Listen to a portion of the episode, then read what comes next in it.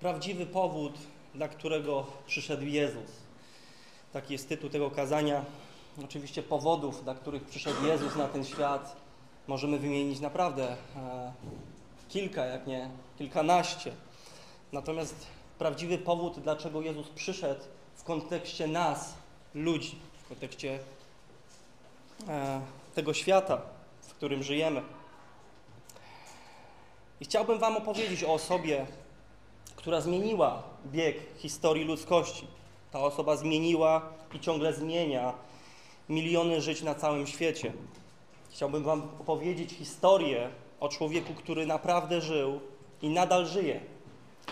I dzisiaj w tym wyjątkowym czasie wspominamy narodziny tego człowieka. Ludzie zapomnieli, że to właśnie tutaj, w Biblii, mamy pełne objawienie Bożej prawdy. Prawdy na temat tego, kim jest Bóg, kim jesteśmy my ludzie i czego ten Bóg od nas wymaga. W Kościele Słowa wierzymy, że istnieje Stwórca nieba, istnieje Stwórca gór, istnieje Stwórca oceanów, Stwórca zwierząt, ale przede wszystkim Stwórca ludzi. A we wszystkim, co On projektuje, we wszystkim, co On tworzy, jest intencja, jest piękno, jest majestat, jest znaczenie.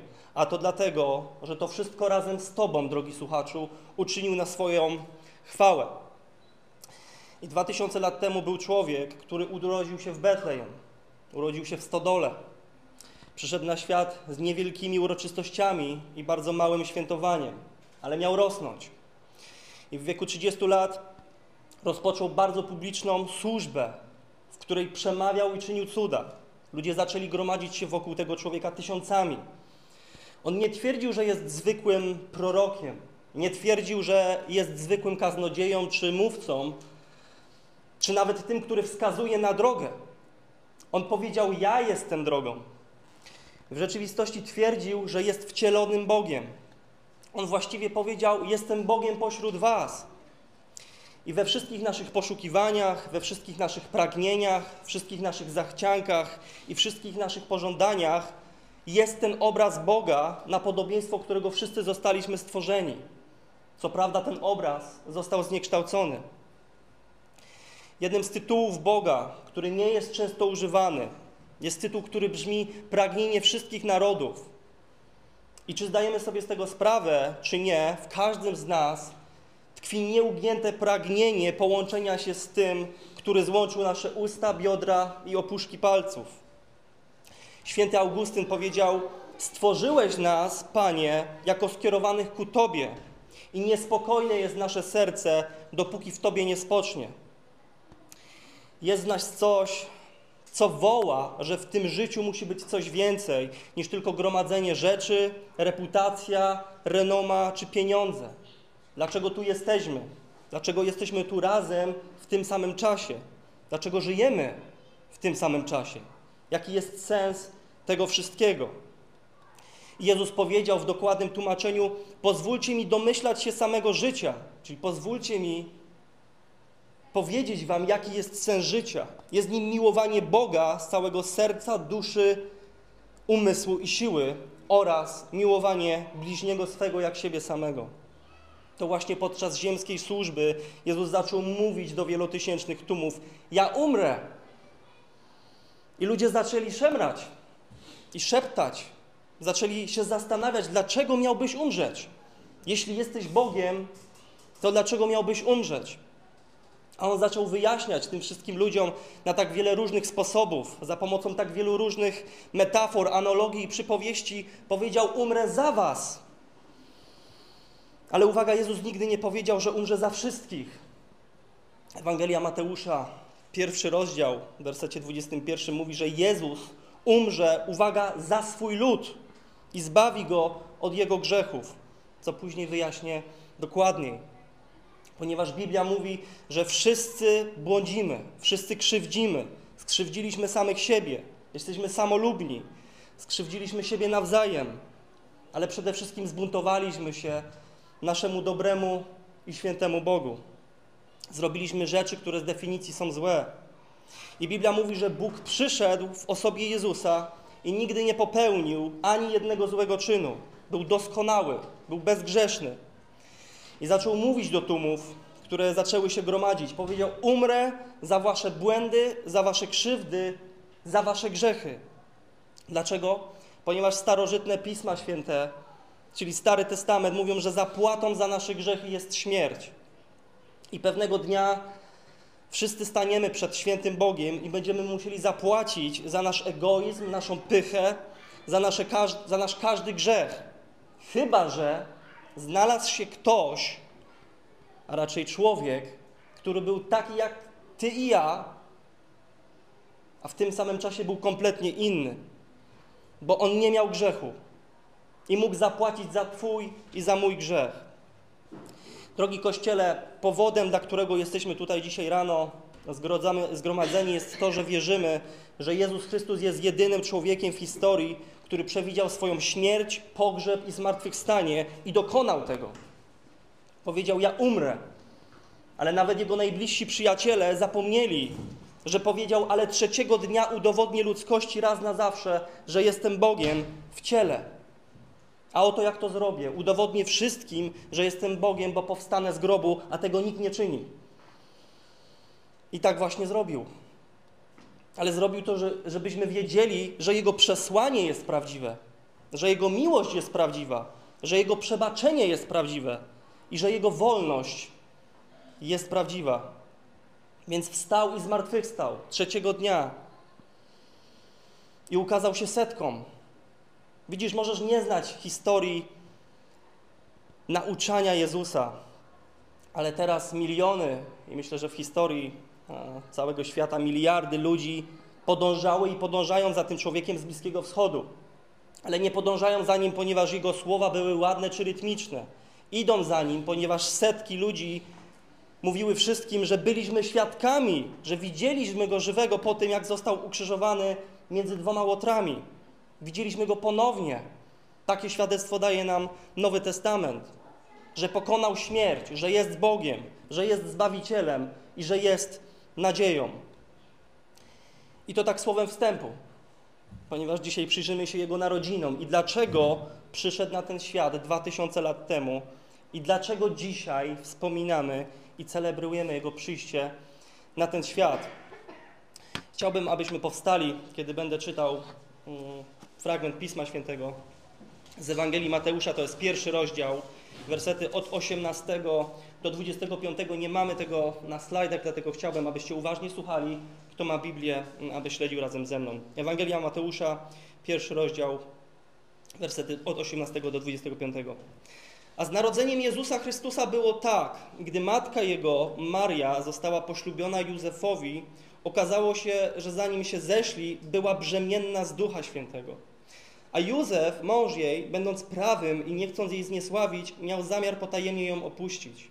I gdy nad tym rozmyślał, oto ukazał mu się we śnie anioł pański i rzekł, Józefie, synu Dawidowy, nie lękaj się przyjąć Marii, żony swej, albowiem to, co się w niej poczęło, jest z Ducha Świętego. A urodzi syna i nadasz mu imię Jezus, albowiem on zbawi lud swój od grzechów jego. A to wszystko się stało, aby się spełniło słowo pańskie wypowiedziane przez proroka. Oto Panna pocznie i porodzi syna i nadadzą mu imię Immanuel, co się wykłada Bóg z nami.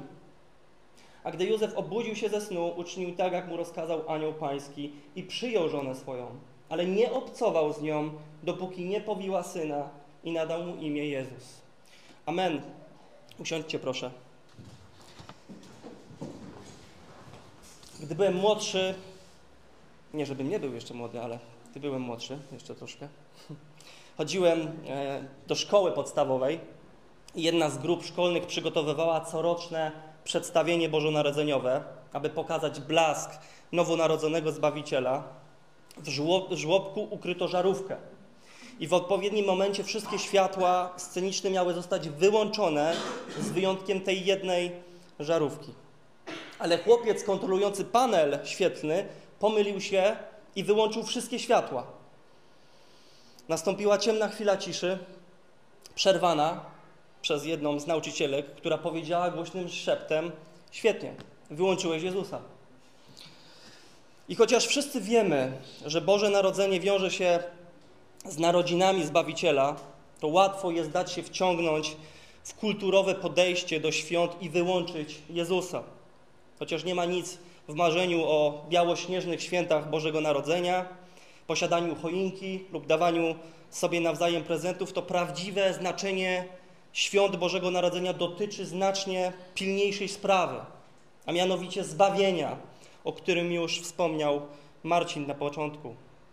Zbawienie nie ma nic wspólnego z gwiazdką przynoszącą prezenty lub innymi ciepłymi, rozmytymi uczuciami dotyczącymi idealnych świąt Bożego Narodzenia.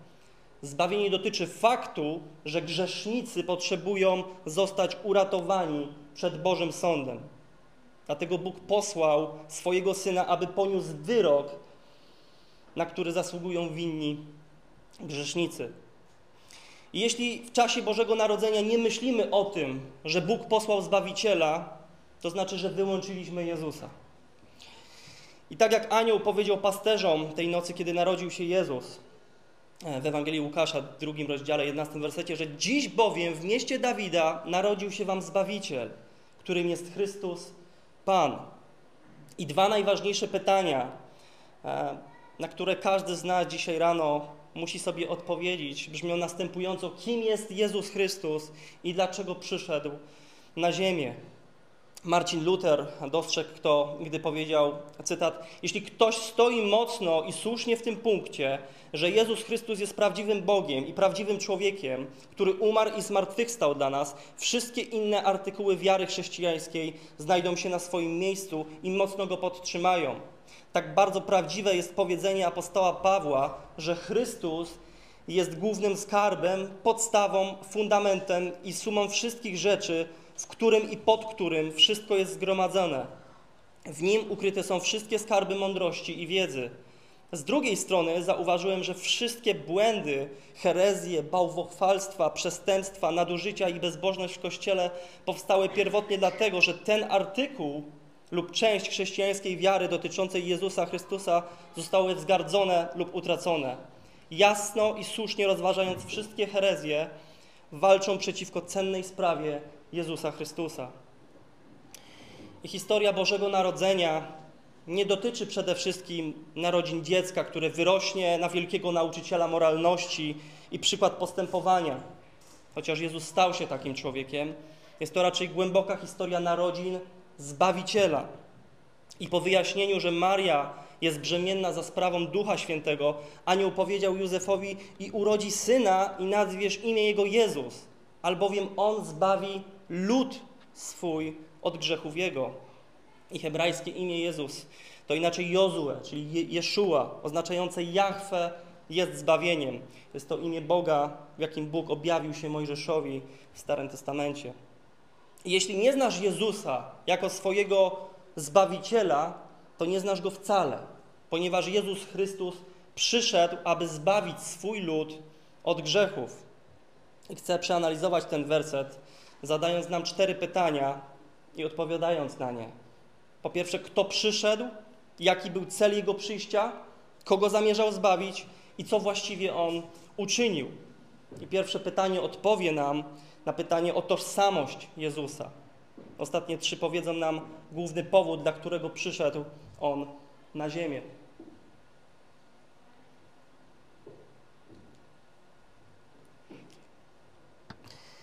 Kontekst pokazuje, że nie były to zwykłe narodziny. Maria była brzemienna za sprawą Ducha Świętego. Jest to oczywiście doktryna o narodzinach naszego Pana z dziewicy. Sceptycy odrzucają ją, ponieważ jest cudowna ale ewangelista Mateusz, który był jednym z dwunastu, miał bezpośredni dostęp zarówno do Jezusa, jak i Marii. Dalej ewangelista Łukasz, który prawdopodobnie przeprowadził wywiad z Marią, stwierdza, że dokładnie zbadał swoją Ewangelię. I obaj potwierdzili cudowne narodziny Jezusa z dziewicy. Odrzucenie tego jako prawdziwej historii jest równoznaczne z odrzuceniem świadectwa dwóch niezależnych historyków, którzy żyli w tamtym czasie i których pisma zostały zaakceptowane jako prawdziwa historia przez tysiące uczonych. I jedynym powodem odrzucenia takich cudownych wydarzeń jest arbitralne uprzedzenie do wszelkich cudów, co jest tak naprawdę w konsekwencji uprzedzeniem do samego Boga, który jest w stanie przerwać prawa swojego stworzenia zgodnie ze swoim celem, albo że ustanowił prawa, które nie mieszczą się w naszym ludzkim rozumowaniu. Dlatego rozsądne jest zaakceptowanie narodzin z dziewicy jako historycznie prawdziwych. I dlaczego potwierdzenie narodzin Jezusa z dziewicy jest ważne z doktrynalnego punktu widzenia? Po pierwsze, dziewicze narodziny Chrystusa są niezbędne do potwierdzenia Jego bóstwa. Jeśli narodził się z ludzkiego ojca i matki w wyniku naturalnych procesów biologicznych, to nie jest Bogiem w ludzkim ciele. W takich okolicznościach mógłby być człowiekiem, na którym Duch Boży spoczywałby w niezwykły sposób, ale nadal byłby tylko człowiekiem. Jego istnienie rozpoczęłoby się w momencie poczęcia, a zatem nie mógłby być wiecznym Bogiem w ludzkim ciele. Jednak Jezus wielokrotnie twierdził, że został posłany na ten świat z nieba, zakładając wcześniejsze swoje istnienie. Powiedział nawet Żydom w Jana 8:58, zanim Abraham się narodził, ja jestem. Porównał się tak naprawdę z Bogiem. Albo co, co więcej, użył tytułu Boga ze Starego Testamentu, za co Żydzi chcieli go ukamienować. Bo było to bluźnierstwo. Jak śmiesz nazywać się Bogiem? Ponadto wiara w niepokalane poczęcie jest niezbędna do potwierdzenia bezgrzesznego człowieczeństwa Jezusa Chrystusa. Gdyby urodził się z dwójki naturalnych rodziców, to urodziłby się jako grzesznik, tak jak wszystkie istoty ludzkie od upadku w grzech i potrzebowałby dla siebie Zbawiciela. Gdyby miał własny grzech, nie mógłby umrzeć jako zastępca innych. Aby narodzić się jako człowiek w pełni podzielający nasze człowieczeństwo, Jezus musiał mieć ludzkich rodziców. I w tej sytuacji to Maria, jego ludzka matka, i dzięki kierownictwu i działaniu Ducha Świętego w dziewiczych narodzinach Jezus urodził się w pełni ludzki, a jednocześnie bezgrzeszny. Anioł powiedział Marii, że ponieważ Duch Święty stąpi na nią i moc Najwyższego okryje ją, dlatego też święte potomstwo będzie nazwane Synem Bożym. I co jest ważne, chociaż sama Maria nie była niepokalenie poczęta, jak niektóre tradycje nauczają, ona również potrzebowała Zbawiciela. Czytamy o tym w Łukasza 1,47. Jezus został zachowany od jej grzechu za sprawą Ducha Świętego i urodził się jako w pełni ludzki, ale bez grzechu. I anioł w Ewangelii Mateusza, którą przeczytałem w 23 wersecie, cytuje proroctwo z księgi Izajasza 7:14 jako ostateczne wypełnienie, gdy ta kobieta, Maria, która nie miała stosunków z mężczyzną, urodziła syna przez Ducha Świętego. A ten syn jest nikim innym, jak Bogiem pośród nas. Jako bezgrzeszny człowiek Jezus, Jezus mógł reprezentować ludzkość jako ten, który będzie niósł grzech swego ludu jako Syn Boży. Jego ofiara była możliwa do przyjęcia przed Bogiem Ojcem. I anioł powiedział Józefowi, że ma nazwać to cudowne dziecko imieniem Jezus, dodając, albowiem on zbawi lud swój od grzechów jego. I greckie imię Jezus to Isus, od hebrajskiego oczywiście Jeszua, skróconej formie Jehaszua, co jak już mówiłem oznacza Jachwę jest zbawieniem, ale w krótszej formie Jeszua akcent pada na czasownik z pewnością zbawi, ponieważ dla Żydów imię osoby miało znaczenie. Imię Jezus wskazuje nam na samą istotę Jego istoty, a mianowicie, że jest Zbawicielem. I tytuł Chrystus oznacza, że Jezus jest żydowskim Mesjaszem lub pomazańcem, jak już mówił o tym Marcin. I Charles Spurgeon, wybitny brytyjski kaznodzieja, wskazał, że skoro Bóg Ojciec doskonale zna Jezusa, to kiedy polecił mu nadać imię Jezus, nadał mu najlepsze i najbardziej odpowiednie imię z możliwych. Nadając Jezusowi to imię, Ojciec zlecił mu zbawienie grzeszników, a to stanowi podstawę naszego wołania do Boga o zbawienie. Koniec cytatu. Tak więc naszą odpowiedzią na pytanie, kto przyszedł, jest to, że Jezus Chrystus, zrodzony z dziewicy Marii, jest nikim innym jak wiecznym Bogiem w ludzkim ciele i że przyszedł na ziemię przede wszystkim jako Zbawiciel.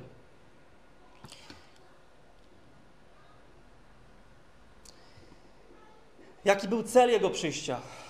Przyszedł, jak już powiedzieliśmy, aby zbawić swój lud od jego grzechów.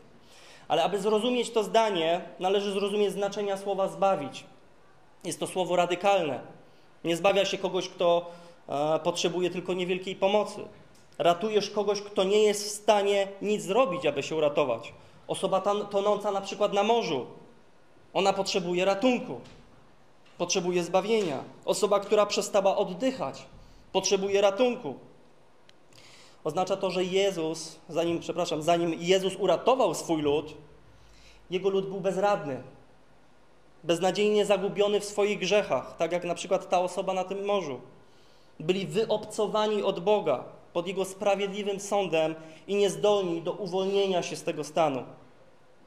Zbawiciel to ktoś, kto ma moc ratowania ludzi, którzy sami nie byliby w stanie się uratować. I Jezus ma daną przez Boga moc, by zbawić swój lud od grzechów. Ważne jest, by być bardzo jasnym w tym, co mówi Biblia, ponieważ w kręgach ewangelicznych jest wielu, którzy wierzą, że zdolność Jezusa do zbawiania kogokolwiek zależy od tego, czy dana osoba skorzysta z tak zwanej swojej własnej wolnej woli. Mówią, że Jezus desperacko pragnie zbawić ludzi, zrobił wszystko, co w Jego mocy, by ich zbawić i zbawiłby ich, gdyby mógł, ale nie może ich zbawić z powodu ich niechęci do zbawienia. Więc siedzi w niebie, pragnąc, by wszyscy powiedzieli tak Jego zbawieniu, ale nie jest w stanie nikogo zbawić, ponieważ wszystko zależy od wolnej woli grzesznika. Nie jest to absolutnie biblijna koncepcja. Biblia jasno mówi, że każdy człowiek jest w niewoli grzechu i że służymy grzechowi. Nasza wola jest zdeterminowana przez grzech, a więc nikt z nas nie ma wolnej woli jako takiej. Sami z siebie nigdy nie wybralibyśmy Boga, nigdy byśmy nie przyszli do wiary w Chrystusa. I jeden z autorów i kaznodziei o imieniu Dave Hunt posunął się kiedyś nawet do stwierdzenia, że jeśli Bóg mógłby zbawić wszystkich, ale wybrał tylko niektórych, to jest niemoralne. Mocne męskie słowa. Zauważmy jednak, że nasz tekst nie mówi, Bóg ma nadzieję, że niektórzy odpowiedzą na jego ofertę i zostaną zbawieni.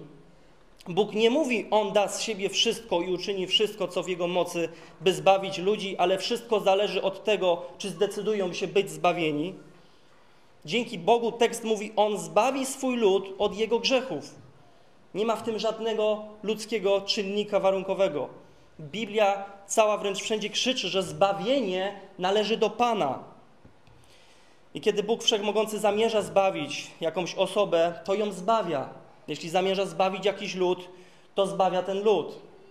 W księdze Izajasza w 14 rozdziale, 24 wersecie, Pan oświadcza pod przysięgą: Zaprawdę tak jak zamierzyłem, tak się stało, i tak jak zaplanowałem, tak się stanie.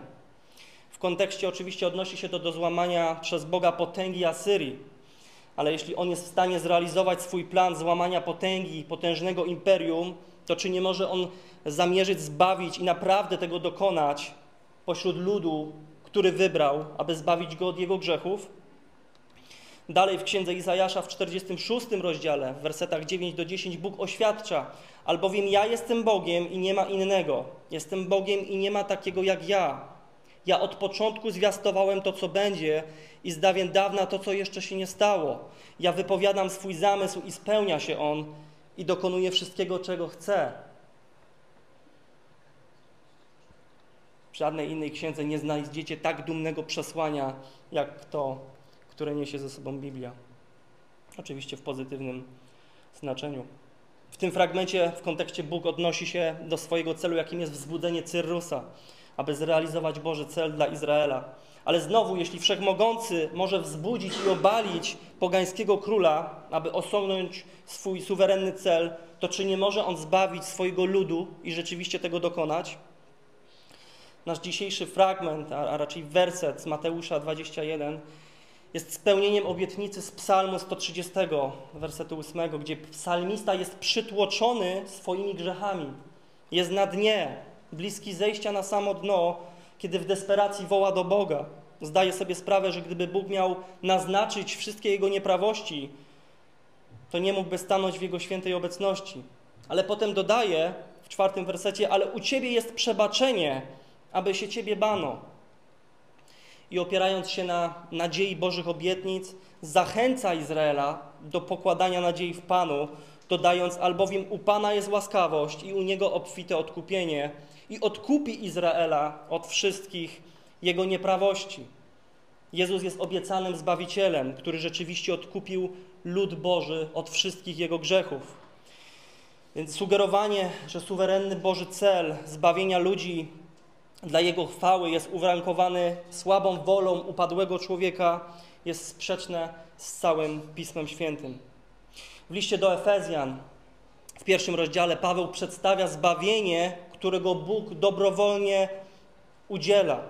Wyjaśnia, że nasze zbawienie pochodzi całkowicie od Boga. Werset 4 i 5. Wybrał nas w Nim przed założeniem świata, przeznaczył nas dla siebie do przybrania za synów przez Jezusa, Chrystura, przez Jezusa Chrystusa według upodobania swojej woli. Czyjej woli? Jego woli. I w dziewiątym wersecie objawił nam tajemnicę woli swojej według upodobania swego, które zamierzył w Nim, czyli w Chrystusie. I jedenasty werset. Otrzymaliśmy dziedzictwo, to jest bardzo ważne, otrzymaliśmy dziedzictwo, będąc przeznaczeni według Jego zamysłu, który sprawuje wszystko zgodnie z zamysłem swojej woli. Mówię po prostu to, co Biblia wielokrotnie potwierdza i powtarza, że zbawienie należy do Boga, który siedzi na tronie i do baranka, którym jest Jezus Chrystus, o którym czytamy w objawienia 7:10. Kiedy Bóg postanowił, że Jezus zbawi swój lud od jego grzechów, nie ma co do tego żadnych wątpliwości. On osiągnie swój cel ku chwale, chwały Jego łaski. I naszą odpowiedzią powinno być, tak jak czytamy właśnie w objawienia w 7:12, gdzie anioły i wszystkie stworzenia, też o których mówił Marcin, mówią przed tronem Bożym Amen. Błogosławieństwo, chwała i mądrość i dziękczynienie i cześć i moc i potęga niech będą Bogu naszemu na wieki wieków. Amen. Tak więc Jezus Chrystus jest Bogiem w ludzkim ciele i przyszedł, aby zbawić swój lud od grzechów. No właśnie, przyszedł, aby zbawić swój lud od jego grzechów. Ale kim jest jego lud? Bo to jest tak naprawdę najważniejsze. W kontekście Mateusza niektórzy, w Ewangelii Mateusza niektórzy mogą powiedzieć, że jego lud odnosi się do Żydów, narodu wybranego przez Boga. I też ciekawe, narodu wybranego przez Boga. Jak mówi Psalm 130 w ósmym wersecie, odkupi Izraela od wszystkich jego nieprawości. Ale jeśli oznacza to, że wszyscy Żydzi zostaną zbawieni, to musimy dojść do wniosku, że Bóg zawiódł w swoim zamiarze, ponieważ wielu Żydów idzie do grobu, odrzucając Jezusa jako Zbawiciela i Mesjasza. I Paweł wskazuje w liście do Rzymian w dziewiątym rozdziale, wersety 6 do 7, bo nie wszyscy są Izraelem, którzy pochodzą z Izraela, ani nie wszyscy są dziećmi, ponieważ są potomkami Abrahama. I dalej mówi w Rzymian 2:26, to raczej ci, którzy są z wiary, są prawdziwymi dziećmi Abrahama, czyli są Żydami według obietnicy. Kto nie chodzi na studium biblijne we wtorki, ten może mieć braki. Niektórzy powiedzieliby, że odnosi się to do całego świata, ponieważ Jezus jest zbawicielem całego świata, jak czytamy w Jana 4,42. Chociaż z pewnością istnieje sens, w którym jest On zbawicielem świata, nie tylko Żydów, ale również pogan, w tym sensie, jak czytamy w objawienia 5,9. To jeśli Jego celem jest, jeśli Jego celem w przyjściu było zbawienie każdej osoby, która kiedykolwiek żyła, to musimy dojść do wniosku, że zawiódł On w swoim celu. Ale ponieważ nie można sobie wyobrazić, by Bóg Wszechmogący mógł zawieść w swoim odwiecznym celu, Jego lud nie może odnosić się do każdej osoby na świecie. Niektórzy powiedzieliby, że Jego lud e, odnosi się do wszystkich tych, którzy wierzą w Niego dla życia wiecznego. I zgadzam się z tym, ale to stwierdzenie nie idzie wystarczająco daleko. Ponieważ Biblia mówi, że z powodu upadku w grzech wszyscy ludzie znajdują się w duchowej śmierci i ciemności, nie chcąc i nie mogąc przyjść do Chrystusa w wierze. Tak więc nikt z ludzi nie może, nie chce i nie jest nawet w stanie przyjść do Jezusa z wiarą w Niego. Musimy więc teraz zapytać, dlaczego są ludzie, którzy wierzą w Jezusa? Co pozwoliło im uwierzyć? Jak to się stało, że są ludzie, którzy wierzą w Niego? I Pismo Święte wyraźnie mówi, że jedynym powodem, dla którego ktokolwiek wierzy w Jezusa jako Zbawiciela i Pana, jest to, że Bóg go wybrał i przyciągnął do siebie. Jana 6,44 i 65. Duch Boży ożywił taką osobę z duchowej śmierci do duchowego życia. Efezjan 2, 4, 5. Otworzył tej osobie wcześniej ślepe oczy i zamienił serce kamienne w serce mięsiste, aby ujrzała taka osoba światło Ewangelii i chwały Chrystusa. Zarówno zbawcza wiara, jak i pokuta są darami, których Bóg udziela swoim wybranym. Oni wierzą, ponieważ Bóg dał im wiarę. Wiara nie jest udziałem wszystkich, jak czytamy. Musimy zatem dojść do wniosku, że jego lud odnosi się do tych, których ojciec dał synowi, a mianowicie do jego wybranych, których nabył dla Boga swoją własną drogocenną krwią.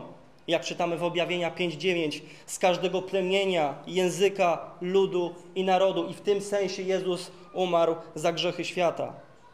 Że zmarł za każdego człowieka z każdego narodu, z każdego wieku, z każdej klasy, czy był ktoś biedny, czy ktoś piastował wysokie stanowisko.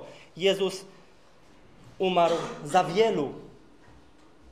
Jest jeszcze jedna rzecz, którą należy zauważyć przy temacie e, Jego ludu. Ci, ten lud, za który Jezus zmarł, oni są grzesznikami. Ten lud, za który zmarł Jezus, nie miał w sobie nic innego, jak tylko swoje grzechy. Nie miał nic w sobie, dlaczego Jezus miałby umrzeć za nich. Nie byli oni ani lepsi, ani gorsi od innych. To było postanowienie Boga, by Chrystus zmarł za jego lud. Jak powiedział Jezus w Łukasza 19:10, Syn Człowieczy przyszedł szukać i zbawić to, co zginęło. A więc ci ludzie są zagubieni, oddaleni od Boga z powodu swoich grzechów. Jezus mówi również w Łukasza 5, 31, 32, nie ci, którzy się dobrze mają, potrzebują lekarza, lecz ci, którzy się źle mają. Nie przyszedłem wzywać sprawiedliwych, ale grzeszników do pokuty. Oczywiście miał na myśli, że nie ma nikogo sprawiedliwego.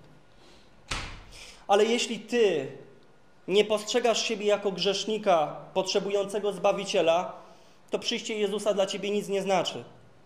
Jeśli myślisz, że jesteś zasadniczo dobrą osobą i że dostaniesz się do nieba dzięki własnej dobroci i dzięki własnym zasługom, to nie jesteś jednym z ludzi Jezusa, ponieważ On przyszedł zbawić grzeszników i tylko grzeszników.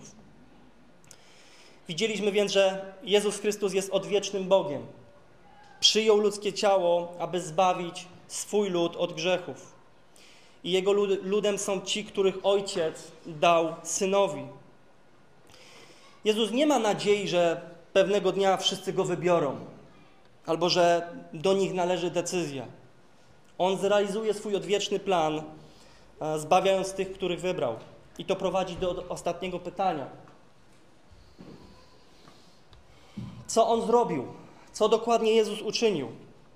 I odpowiedź brzmi oczywiście, że zbawił lud swój od jego grzechów. Innymi słowy, śmierć Jezusa na krzyżu była zastępcza i konkretna. Umarł w miejsce tych, których przyszedł zbawić. Nie ofiarował się potencjalnie za każdego, kto później zdecydowałby w niego uwierzyć. Raczej faktycznie wykupił swój wybrany lud z targu niewolników grzechu poprzez przelanie swojej drogocennej krwi, aby nie musieli oni płacić za swoje grzechy. I tych, których postanowił zbawić, zbawił. Wszystkich, których ojciec dał synowi, przyjdą do niego, a spośród nich Biblia mówi w Ewangelii Jana, że Jezus nikogo nie straci. Dlatego, jeśli dzisiaj jesteś tu zbawiony, jeśli jesteś wśród Jego ludu, który On wybrał, Twoje zbawienie już się dokonało. To nie jest tak, że po śmierci Ty się dopiero dowiesz, no, czy jestem zbawiony, czy nie, nie wiadomo. Zbawienie rozpoczyna się w momencie, kiedy Duch Święty przychodzi, odradza Twoje serce, kruszy Twoją pychę, a Ty oddajesz się Chrystusowi z wiarą. A jest to możliwe tylko i wyłącznie dzięki temu, że Bóg zadziałał w Twoim życiu, że dotknął Twojego serca. I kiedy Jezus mówi, że zbawi, przepraszam, kiedy anioł mówi do e, Józefa, że, kiedy, że zbawi ich od ich grzechów, to ma to dwojakie znaczenie. Po pierwsze, wybawia lub uwalnia ich od kary za grzechy, którą jest wieczna kara w piekle. Dzieje się to natychmiast w chwili, gdy grzesznik właśnie budzi się mocą Ducha Świętego, by uwierzyć w Jezusa jako Zbawiciela i Pana. Po drugie, On wybawia ich od mocy grzechu w ich codziennym życiu. Dzieje się to stopniowo i progresywnie, w miarę jak wierzący uczy się chodzić w zależności od Ducha Świętego. I nie będzie to doskonałe aż do chwili, gdy ujrzymy Jezusa. Jeśli dana osoba nie wzrasta w świętości i nie walczy z grzechem, powinna się zastanowić, czy w ogóle została zbawiona od swoich grzechów.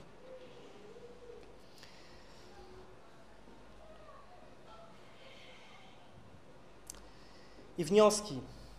Prawdziwy powód, dla którego przyszedł Jezus, jest taki, że przyszedł, aby zbawić swój lud od jego grzechów. Nasz tekst dzisiaj jest bardzo jasny. Jezus zbawi swój lud od jego grzechów. I moje pytanie do ciebie jest następujące: czy jesteś jednym z jego ludu? Jeśli zapytasz, skąd mogę to wiedzieć? Odpowiedź leży w odpowiedzi na kilka innych pytań. Czy Bóg otworzył ci oczy i serce, byś zobaczył, że jesteś grzesznikiem, który zasługuje na jego sąd? Jeśli myślisz, że jesteś całkiem dobrą osobą w oczach Boga, to nie jesteś jednym z jego ludu. Przynajmniej nie zostało to jeszcze objawione. Ale jeśli powiesz tak, wiem, że jestem grzesznikiem zasługującym na Boży sąd, to następnie pytanie brzmi: czy uciekłeś przed Bożym sądem do krzyża Jezusa Chrystusa? Czy ufasz, że tylko Jego przelana krew zapłaci za Twoje grzechy? Jeśli odpowiesz twierdząco na te pytania, to musisz zadać sobie jeszcze jedno pytanie. Czy są jakieś dowody na to, że Chrystus Cię zbawił od Twoich grzechów? Można powiedzieć, że uwierzyło się w Chrystusa, mając intelektualną wiarę, która nie zbawia. Musisz sobie zadać pytanie, czy Bóg zmienił moje serce. Wcześniej żyłeś tylko dla siebie, nie zważając na Chrystusa ani na to, co uczynił na krzyżu. Ale teraz kochasz Jezusa Chrystusa i jesteś przepełniony wdzięcznością, ponieważ On oddał się za ciebie na krzyżu. Wcześniej nie odczuwałeś głodu świętości i zadowalałeś się życiem w lekceważeniu Bożych przykazań. I teraz, choć zdarza ci się grzeszyć, choć zdarza ci się, że upadasz, ponieważ wszyscy jesteśmy dalej w tym świecie, który jest naznaczony grzechem, to pomimo, że zgrzeszysz, opłakujesz swoje grzechy, wyznajesz je i starasz się podobać Bogu, porzucając grzech i będąc Mu posłusznym. A teraz Twoim celem jest tylko i wyłącznie poznawanie Chrystusa coraz bardziej i bardziej. I jeśli możesz szczerze powiedzieć, tak, te rzeczy są prawdą w moim życiu, te, prawdy, te rzeczy są prawdą o mnie, to Bóg rozpoczął dobre dzieło w Twoim sercu. I nasz tekst powinien Ci przynieść wielką radość i pewność.